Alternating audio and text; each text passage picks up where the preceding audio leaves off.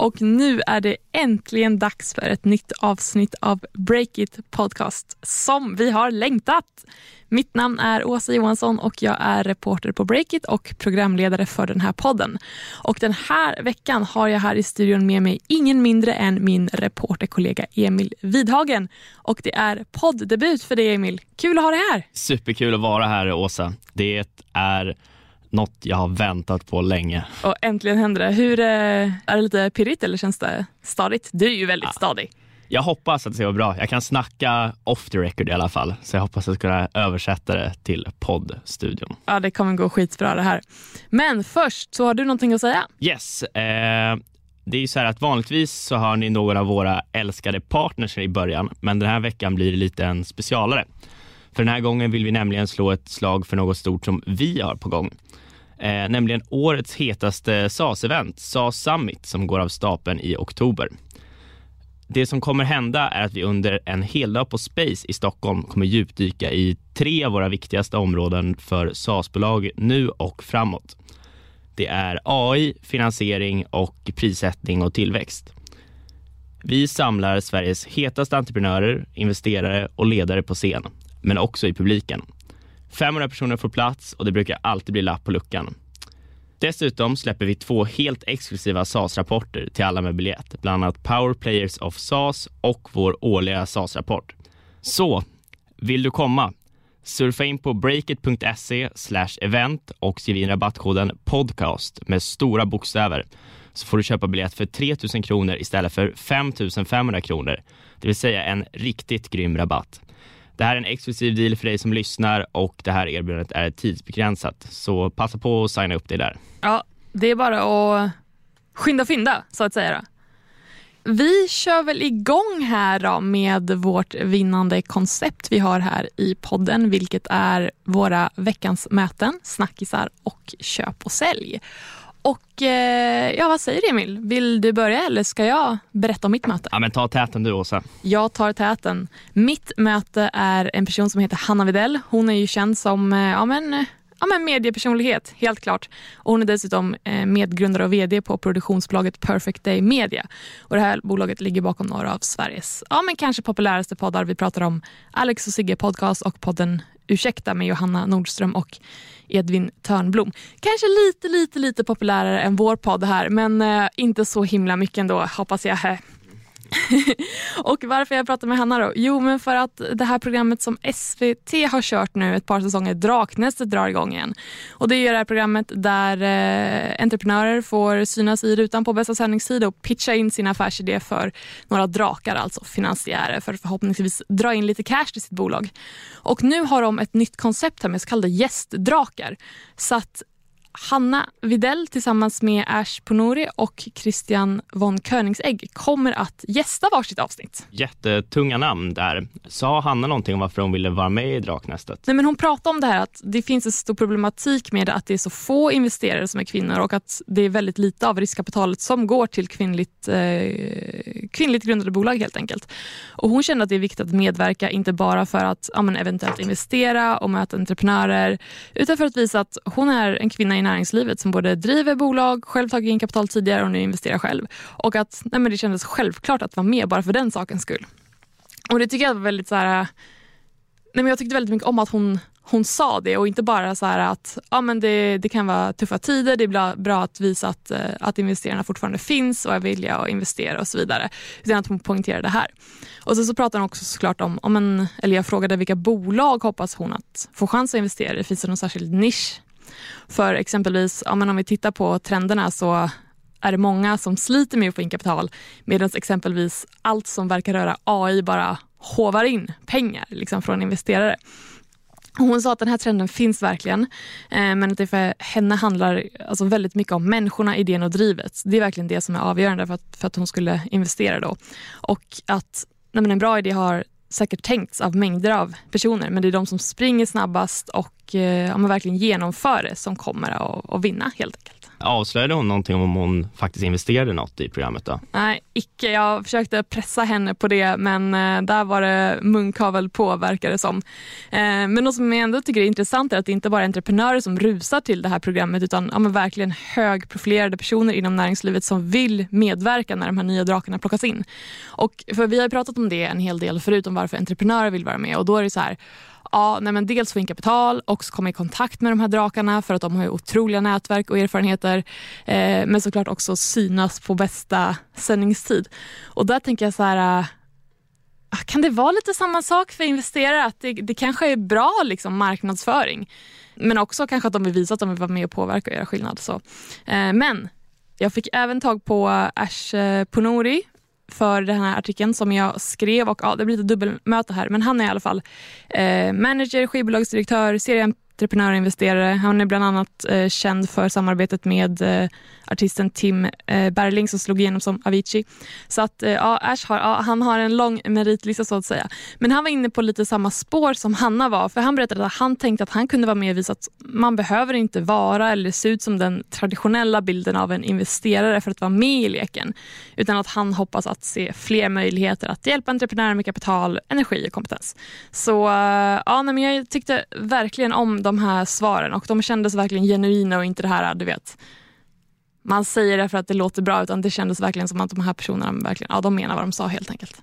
Nu har jag kört på här och jag vill jättegärna höra om ditt möte Emil. Jag kan ju tillägga jag träffade ju också två av de andra drakarna eh, Just redan ja. i våras I och var våras. med på en inspelningsdag. Du var med bakom kulisserna. Ja, men det då... är ytterligare, det är Jonas Telander också som är gamla spot, eh, Storytel-grundaren då, som också var med i Draknästet från början, som är någon slags fast drake och är med i alla avsnitt. Just ja, han ska vara med i alla. Och sen så var det... Gud, vad Fredrik Eklund. Fredrik Eklund, just ja, för han, men han skulle bara vara där några dagar. Vi, vi snackade om att det var så himla konstigt. ja, han är också en sån här gästdrake tror jag då. Eh, Exakt, som Hanna ja. Widell och Ash Ponori och sådär. Men då visste vi inte om det här konceptet med Nej, hästdrakar. nej, vi visste inte det då. Men det förklarar ju saken nu Ja. då, varför han inte var med så länge. Yes. Mycket bra. Så ja, men eh, låt höra då. Vad har du för möte? Ja, men, eh, mitt eh, veckans möte det är med Meetlis medgrundare och vd Daniel Tekle. Eh, och det är Meetly som nu alltså köper upp kändishälsningsplattformen Memo. Just ja, Memo. Det har varit lite av en eh, härva där vid det senaste. Vi har ju snackat om Memo flera gånger i podden här nu. Så ja, men vill, vill du dra det lite snabbt Ja, men jag kör en lite kort recap bara. Eh, Memo känner nog de allra flesta av våra lyssnare till. Eh, kändishälsningsplattform som tog in massa riskkapital, växte snabbt, blev en väldigt liksom, omdiskuterad tjänst i media. Användare framförallt då för att de fick många ganska etablerade kändisar att signa upp sig helt enkelt och skicka sina digitala videohälsningar. De drog på sig stora förluster och när kapitalmarknaden vände så blev det till slut en konkurs då, här i början på augusti. Ehm, de eh, har bland annat gått, de hade som mest 125 anställda, de hade bara typ 10 anställda kvar när eh, konkursen verkställdes. De hade inte omsatt speciellt många miljoner alls. Jag tror att det var drygt 10 eh, första halvåret, så att det var ett riktigt tufft läge. Men eh, det visade sig ändå att det var någon som ville köpa dem eh, och det var mötestjänsten Meetly. Då. Eh, och i samband med det så pratade jag alltså med, med grundaren Daniel Tekle. Okej, men eh, vad finns det att säga om själva affären? Varför ville Meetly köpa Memo? Ja, men som jag förstår det så är Meetly idag en plattform för förmedling av lokaler till event. Det kan vara typ bröllop, julbord, eh, sommarfester, ja, sådana liknande grejer. Ja, fattar. Och det är lite blandning av olika sorters kunder och sådär.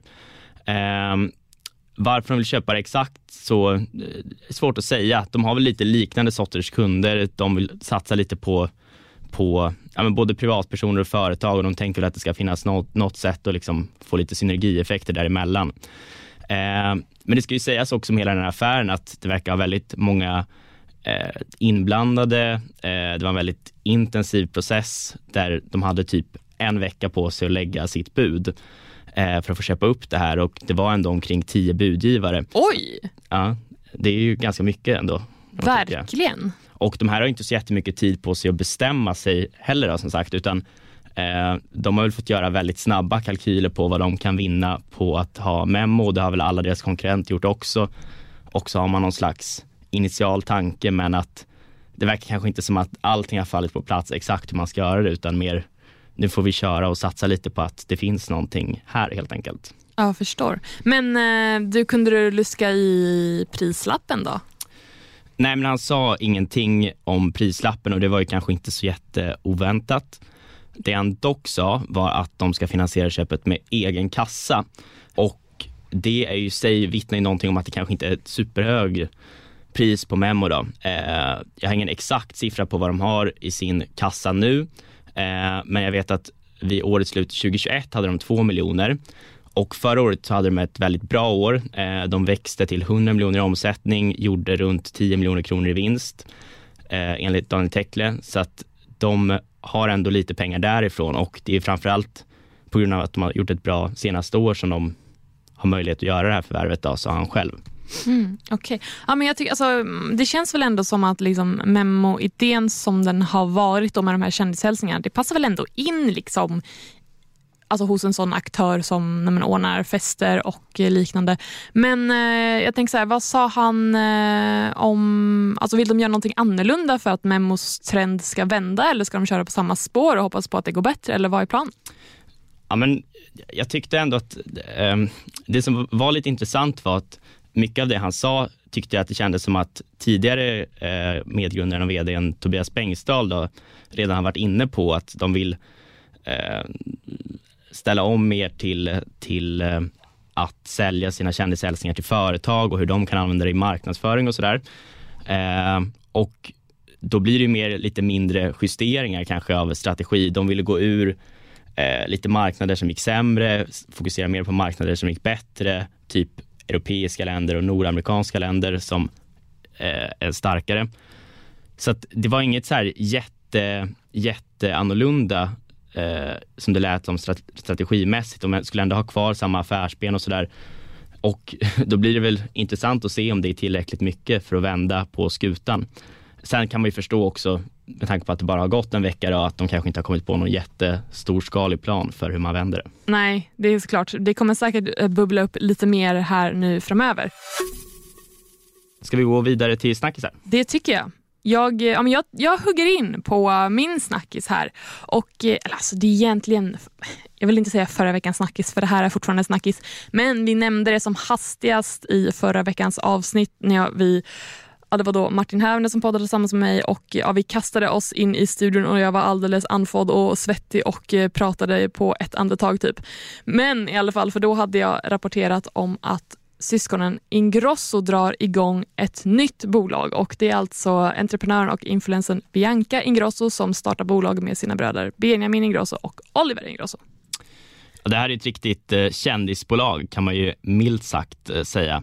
Eh, men de ska satsa på livsmedel, eller hur? Det ska de. Eh, Mino Market AB heter bolaget som registrerades i början av året. Och eh, ja, Vi började ju grotta i det här såklart och jag fick tag på en person som heter Carl Wernersson, techprofil, tidigare försäljningschef på Voi men ja, han har lämnat det här elsparkcykelbolaget och eh, klev istället in som partner på BLQ Invest eh, därefter. Och han sitter med i styrelsen för den här nya satsningen då och han bekräftade att eh, bolaget ska vara verksamt inom vad som då står export, import och försäljning av livsmedel. Men mer vill han inte berätta. Så att exakt, exakt vad det är, det vet vi inte än. Men han berättade att det här är ett passionsprojekt drivet av de här tre Ingrosso-syskonen och att han, den här Karl och ett gäng andra entreprenörer hjälper Ingrosso-trion att förverkliga det här. Och ja, Vilka entreprenörer vet vi inte men han menar att han i alla fall har känt Oliver Ingrosso sedan hans barns, barns ben eh, och de andra syskonen också av länge. Då. Ja, men, så med andra ord så vet vi inte riktigt exakt vad det här bolaget ska göra. Eh, har du några gissningar? Vad tror du? Eh, hur kommer det gå? Ja, alltså så här, utan att veta exakt, exakt vad de kommer göra så är det så här att det är svårt för många startups just nu. Eh, samtidigt så är det väldigt många som säger att nu är den bästa tiden att starta eh, bolag. Och om vi tittar på uppställningen av den här trion så Bianca Ingrosso är uppenbarligen en engagerad och driven entreprenör. Eh, hon älskas ju verkligen av sina följare på sociala medier och det har ju verkligen varit en dragkrok, tror jag i försäljningen för hennes bolag, ja, men sminkbolaget Kaja Cosmetics och eh, smyckesbolaget Annie Who. Eh, hon har även klädmärket Avora som hon började marknadsföra nu i våras. Så att där känner jag att eh, hon är ju en väldigt stark spelare om man säger så. Eh, hennes bröder, om vi tittar på Benjamin Ingrosso, också väldigt känd, populär tv-profil. Eh, han har väl matlagningsprogram också, eller har haft i alla fall. Och sen så då den tredje, Oliver Ingrosso, han driver också eh, restaurang. Så att det finns ett uppenbart matintresse och de är ju redan väldigt populära de här tre. Och om vi tittar på en annan aspekt då, jo men det är ju som sagt svårt för startups att få in kapital just nu från investerare. Men jag tror inte att det här gänget har något problem med cash alltså. Jag tror att det är löst eh, redan. Dessutom har de ju ett team entreprenörer som vill hjälpa dem. Manegen är ju liksom krattad redan. Du tror inte att eh, Bianca har kapitaliserat tillräckligt på sina följare och marknadsför sina bolag och produkter och sådär? Kan de verkligen göra det igen? Jag tänker det är också begränsat med utrymme i, i kanalerna som hon har. Det är svårt att marknadsföra tio olika projekt. Jo, alltså det är en jättebra fråga och jag tror verkligen du har en poäng i det. Alltså om man tittar på, för hon marknadsför ju både de här men, egna bolagen som hon har dragit igång men också eh, har hon också marknadsfört för nej, men, andra aktörer. Men nu är det ju liksom någonting helt annat. För Hon, är, varit, hon är väldigt inne på liksom smink, smycken, kläder och nu plötsligt ska det handla om mat eller ja, livsmedel. Så att ja, jag vet inte hur hon ska få in det i mixen där. Eh, men alltså det kommer säkert, hon kommer säkert lyckas med det. Hon är ju stört kreativ. Liksom. Eh, men hon är inte endast den som är dragkrok här utan nej, men som sagt de andra två Ingrosso-syskonen där är också stora namn. Eh, och som också, nej, som, mm, som Benjamin Ingrosso som har haft liksom, matlagningsprogram. Alltså, bolaget har i princip redan marknadsfört sig själv, om man säger så. Eh, så att jag tror inte att de ger sig in på jättetunn is här samtidigt som det ska bli väldigt intressant att se vad de ska sälja, vad de ska göra. Ska de typ... Eh, nej men alltså, gud nu, nu plockar jag lite från luften här men jag tänker att om man ska börja sälja livsmedel så är det väl massa så som ska godkännas av säkert Livsmedelsverket eller någonting. Nu, ja, nu drar jag bara till med ja. saker här men det är vad jag tänker. Liksom. Ehm, och sen så just livsmedel, alltså det är inte särskilt konjunkturkänsligt heller så länge det inte är någonting svindyrt. Då. Så, eh, men ja, men i alla fall. Jag har inte fått tag på någon av de här Ingrosso-syskonen men deras eh, kända mamma Pernilla Wahlgren skvallrade lite i podden Wahlgren och Wistam efter att vi gjort det här avslöjandet. Och, eh, ja, hon sa ju såklart att hon tycker att det är väldigt roligt att de här tre gör det här och att de har ett, ett liksom stort matintresse och att de aldrig skulle släppa någonting bara för att tjäna pengar utan de lägger ner sitt själ i det här projektet och så vidare. Så ja, men där tänker jag också liksom tala om marknadsföring. För jag tänker att de som följer Pernilla Wahlgren, det kanske är en grupp medan de som följer hennes barn då är en annan grupp. Så att igen, hon, liksom, hon har nog pratat eller fått det att marknadsföras för en annan generation kanske. Så... Det kan vara en jättefördel då, om de täcker lite olika. Ja, men det, det tror jag också. Så att, eh, ja, jag kommer i alla fall eh, hänga på låset, höll jag på att säga. Jag kommer eh, se till att eh, rapportera... på reporterlåset i alla fall. Reporterlåset, ja. exakt. Ja. Och eh, jag rapporterar mer när vi vet mer helt enkelt. Det känns som det uppenbara eh, problemet är ju det här med att det är så många projekt hon måste marknadsföra. Det är ju ganska uppenbart nästan vid det här laget att det hon gör kommer bli en succé. Eller det är det som man får som spontan känsla i alla fall med tanke på att projekten tidigare har lyckats. Bianca då? Ja men verkligen, det känns ju lite som att så här, äh, inte att allt hon rör vid blir guld, men åt det hållet. Men äh, alltså, ska man hinna med allting också. Verkligen. Sen vet jag inte exakt vad de har på agendan eh, jämt och ständigt de här tre, men det verkar som att de ja, de ligger ju verkligen inte på latsidan. Liksom. Därifrån tycker jag att vi hoppar över till nästa snackis som är Climate Tech. Ja, men min veckans snackis Eh, Eh, är vår färska Climate Tech-kartläggning som vi precis har publicerat på Breakit. Det här är ett eh, superhett segment. Eh, vi satte rubriken hetast efter AI för att rubricera den här nischen. Då. Och lite så är det nu att det är en av de sektorerna på marknaden som det fortfarande händer saker för. Investerare går in med pengar och därmed också en snackis. Ja, verkligen en snackis. Men du, vill du berätta lite om vad som ingår i den här eh, kartläggningen? Ja, men dels har vi kikat på vilka bolag som finns och eh, gör såna här eh, olika lösningar. Då. Och vi har tittat på techbolag, mjukvarubolag. Då. Eh, så det är mycket SaaS-bolag som på något sätt samlar in klimatdata eller gör någon slags klimatmärkningar eller liknande och riktar sig då kanske till banker eller storföretag eller mindre företag eller jordbruk och livsmedelsindustri och sådär. Helt enkelt områden där det finns data att samla in som kan minska eh, utsläppen. Ja, okej. Eh, sen så, vi har analyserat deras affärsidéer, siffror, vi har gjort analyser på alla de här bolagen, det är 17 totalt och utöver det så har vi också samlat 40 stycken impact och klimatänglar. Så att har man ett sånt här liknande bolag eller en idé på gång så vet man några som kanske kan investera där. Gud, spännande. Eh, men jag tycker i alla fall efter att jag har varit med och jobbat på den här kartläggningen då, så tycker jag att det är väldigt eh, tydligt att varför det har blivit ett av de hetaste områdena för investerare att satsa på. Eh, kommer in lite mer på det snart, men eh, det är just den här kombinationen av digitala verktyg för att mäta utsläpp eh, och klimatnytta. De här två i kombination är verkligen någonting som riskkapitalisterna älskar och som bevis har man verkligen sett att det är många bolag som har gjort jätterunder på det här området eh, trots det tuffa läget. Eh, till exempel Normative, Climate U, World Favored Economy som alla tagit in hundratals miljoner. Så det är verkligen grejer på gång här känns det som. Ja, men spännande. Men alltså, vad är det som ligger bakom intresset och boomen för climate tech just nu? Då? För vi har snackat om climate tech ja, men lite till och från ändå. Ja men absolut. Eh, så dels så tror jag att det är att de verkligen nu, många bolag har hittat en affärsmodell eh, som är B2B, SaaS, som investerarna redan nu tittar lite extra på. Eh, så att det är en komponent. Eh, men det finns lite viktiga liksom, externa faktorer också. En av de eh, viktigaste kanske är att det är nya EU-regleringar på gång som ställer mer konkreta och tydliga krav på olika aktörer att rapportera om sina utsläpp. Kan vara banker, eh, storbolag, lite olika livsmedelsaktörer, jordbruk och sådär. Eh, det gäller att de skärper sig helt enkelt. Det måste de göra och det här kan även få lite eh, kan spela över på lite mindre bolag och mellanstora bolag också för många. Där kan man läsa lite mer. Jag gjorde en caseintervju som ska gå ut idag eh, enligt plan med Cecilia Lindén som är medgrundare till Go Climate som är med i klimatkartläggningen. Eh, och eh, där kan man ja, få lite mer insikt om varför de här nya kraven kan påverka. Sen så tror jag också att eh, en av de allra viktigaste förklaringarna till att det här boomar nu är att de här climate tech-bolagen löser ett riktigt problem som nästan alla är överens om att det är ett superstort problem. Eh, oh ja. Klimatkrisen. Många av de bolagen som har fått in mest riskkapital de senaste åren har haft tjänster som är mer nice to have än need to have. Vill man vara ren kass så kan man säga att Memo kanske är ett typexempel på en sån här högkonjunktursidé.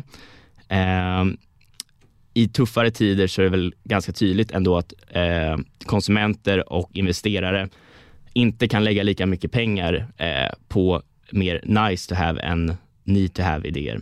Och då lägger de istället lite större vikt på att eh, investera i bolag som löser viktiga och konkreta problem. Ja, men det låter ju helt rimligt. Men om vi tittar på konsumentsidan då, är kraven därifrån större?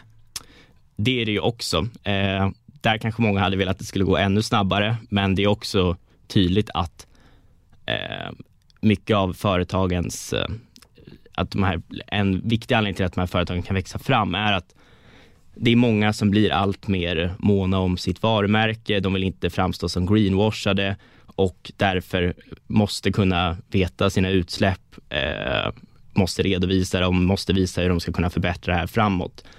Och det handlar också om att eh, många större bolag ställer krav på mindre bolag och eh, eh, för att kunna leverera till de här större bolagen så är det en nyckel eh, att de då också redovisar och minskar sina utsläpp. Så det tror jag också driver på den här utvecklingen väldigt mycket och gör att behovet för sådana här klimatdatatjänster växer fram. Mm, ja, jag förstår det. Gud, jag ska erkännas, jag har inte läst hela den här kartläggningen än, men det ska jag absolut göra, särskilt efter det här snacket. Och det tycker jag att ni, kära lyssnare, också ska göra. Så in och läs på Breakit sajt, breakit.se. Härligt. Har du något eh, veckans köp, Åsa? Ja, men det har jag. Jag bränner av min veckans köp som är en person som heter Robert eh, Malmqvist, investerare och eh, entreprenör. Och eh, ja, men På tal om bolag som har gått i konkurs för att sedan räddas. Pandy var ett bolag som hypades ordentligt eh, för några år sedan av bland annat influencers som Petra Tungården och eh, Viktor Frisk. Men det här bolaget gick i stöpet nu i år. Men in kliver då denna Robert eh, Malmqvist. Han investerade i Pandy i slutet av förra året, eh, men sen så stod ju konkursen för dörren därefter. Men han var inte riktigt nöjd med det där. Men för mig så berättar han om hela den här processen då från att eh, när man förstod att eh, det kommer inte gå så bra för det här bolaget till att han till slut var så här, eh, vet du vad, jag eh, gör ett försök här och eh, rädda bolaget. Och han säger att han alltid har haft en förkärlek för turnaround case och han bestämde sig ganska snabbt för att hitta en lösning för att Pandy skulle få leva vidare. Jätteintressant intervju, ska också flagga för den på breakit.se så ja, in och läs. Andra entreprenören som ska vända ett eh, konkursat eh, hypat bolag där med andra ord. Ja, nej men verkligen. Alltså jag har tänkt på för att på Breakit så har vi ju, vi har ju en liksom artikel som vi uppdaterar löpande där vi skriver om, liksom, alltså samla bolagen som har eh, gått i konkurs. Snart kanske det är läge att göra en sån fast som en liksom, sammanställning i bolagen som gick i konkurs men sen köptes upp för att man ska få dem att fly, alltså ett nytt försök för att få dem att flyga. Eh, så ja, det kanske är en, en trend där. Vi håller ögonen öppna. Vad har du för köp eller sälj? Men jag börjar med mitt eh, köp här eh, och det är en startup som heter Parsley som vi skrev om precis. Eh, det är ett SaaS-bolag som Leo Kia och Ramsi Fertici har dragit igång. Jag hoppas jag uttalade det rätt. Eh, lite förenklat så har de byggt ett eh, verktyg som ska göra att krögare får järnkoll på alla sina inköp och därför inte betalar för mycket för livsmedel. Eh, de kan se lite vad olika eh, saker har kostat historiskt, vad de har betalat för det då och också få lite data på snittpriser i branschen, vad deras konkurrenter betalar. Eh, det här är ett bolag i ett väldigt tidigt stadie, men jag tyckte ändå att de prickar in väldigt många av de kriterierna som gör att ett bolag är intressant 2023 och vill därför lyfta dem. till exempel vdn har sett och upplevt problem från restaurangen inifrån, från hans familjerestaurang. De sysslar med livsmedel som såklart är superaktuellt och har ändå lyckats hitta en B2B SaaS-tjänst för det här. Eh, så surfa in på Breakit och läs mer om de här tycker jag. Yes, ja, det är mycket som man borde ta del av på Breakit här. Så är det. Jag eh, tuffar vidare här till min veckans sälj och eh, det är, ja, men det är ändå säljsignal tycker jag på Vanja Wikström och Niklas eh, Malmqvist. Och vilka är det här då? Jo, Eh, det har varit en hel del i media om eh, det här eh, grundarparet. De drog igång NFT-projektet World of Alidia och det här skulle då locka kvinnor, gärna nybörjare, till blockkedjan. Digitala konstverk skulle då säljas för 3 000 kronor och köparen skulle inte bara spekulera i värdet på NFT utan det skulle även ingå ett livslångt medlemskap med workshops, evenemang, coworking space och ja, ytor för att träffas om jag förstår det rätt. Då. Men nu har eh, verksamheten behövt läggas ner eh, då och eh, varför det, jag tycker att det är sälja för att det var väldigt stora löften men de fick lägga ner ganska eh, kort efter att de drog igång det här härom året. Och eh, Vanja Wikström skrev i ett blogginlägg ganska nyligen då att eh, nej, men de inte har lyckats få satsningen att lyfta trots oceaner av tid, kärlek och energi. Och att det inte, eh, nej, men inte går att hitta några intäkter i den form som bolaget har drivits i helt enkelt och att den total kraschad markad där ingen är intresserad av NFT. Det har ju också inneburit nej att man inte hittat nya holders helt enkelt. Så ja, rätt hög risk, men eh, alltså, sälj på det. Men jag tycker ändå, ah, fast åh, nu blir jag sådär igen. Alltså, ja, jag tycker att det är sälj, för det var väldigt stora löften här.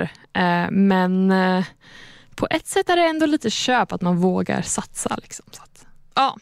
Nu blev jag kluven. Men, ja. Ja, jag, jag har inte satt mig in så supermycket i just det här fallet, men man kan väl i alla fall säga att jättemånga har varit upprörda. Det är absolut eh, ska understrykas och det är ju inte så himla nice. Very well. Vad har du för sälj, Emil? Ja, men mitt eh, veckans sälj, det blir eh, VC-firmorna.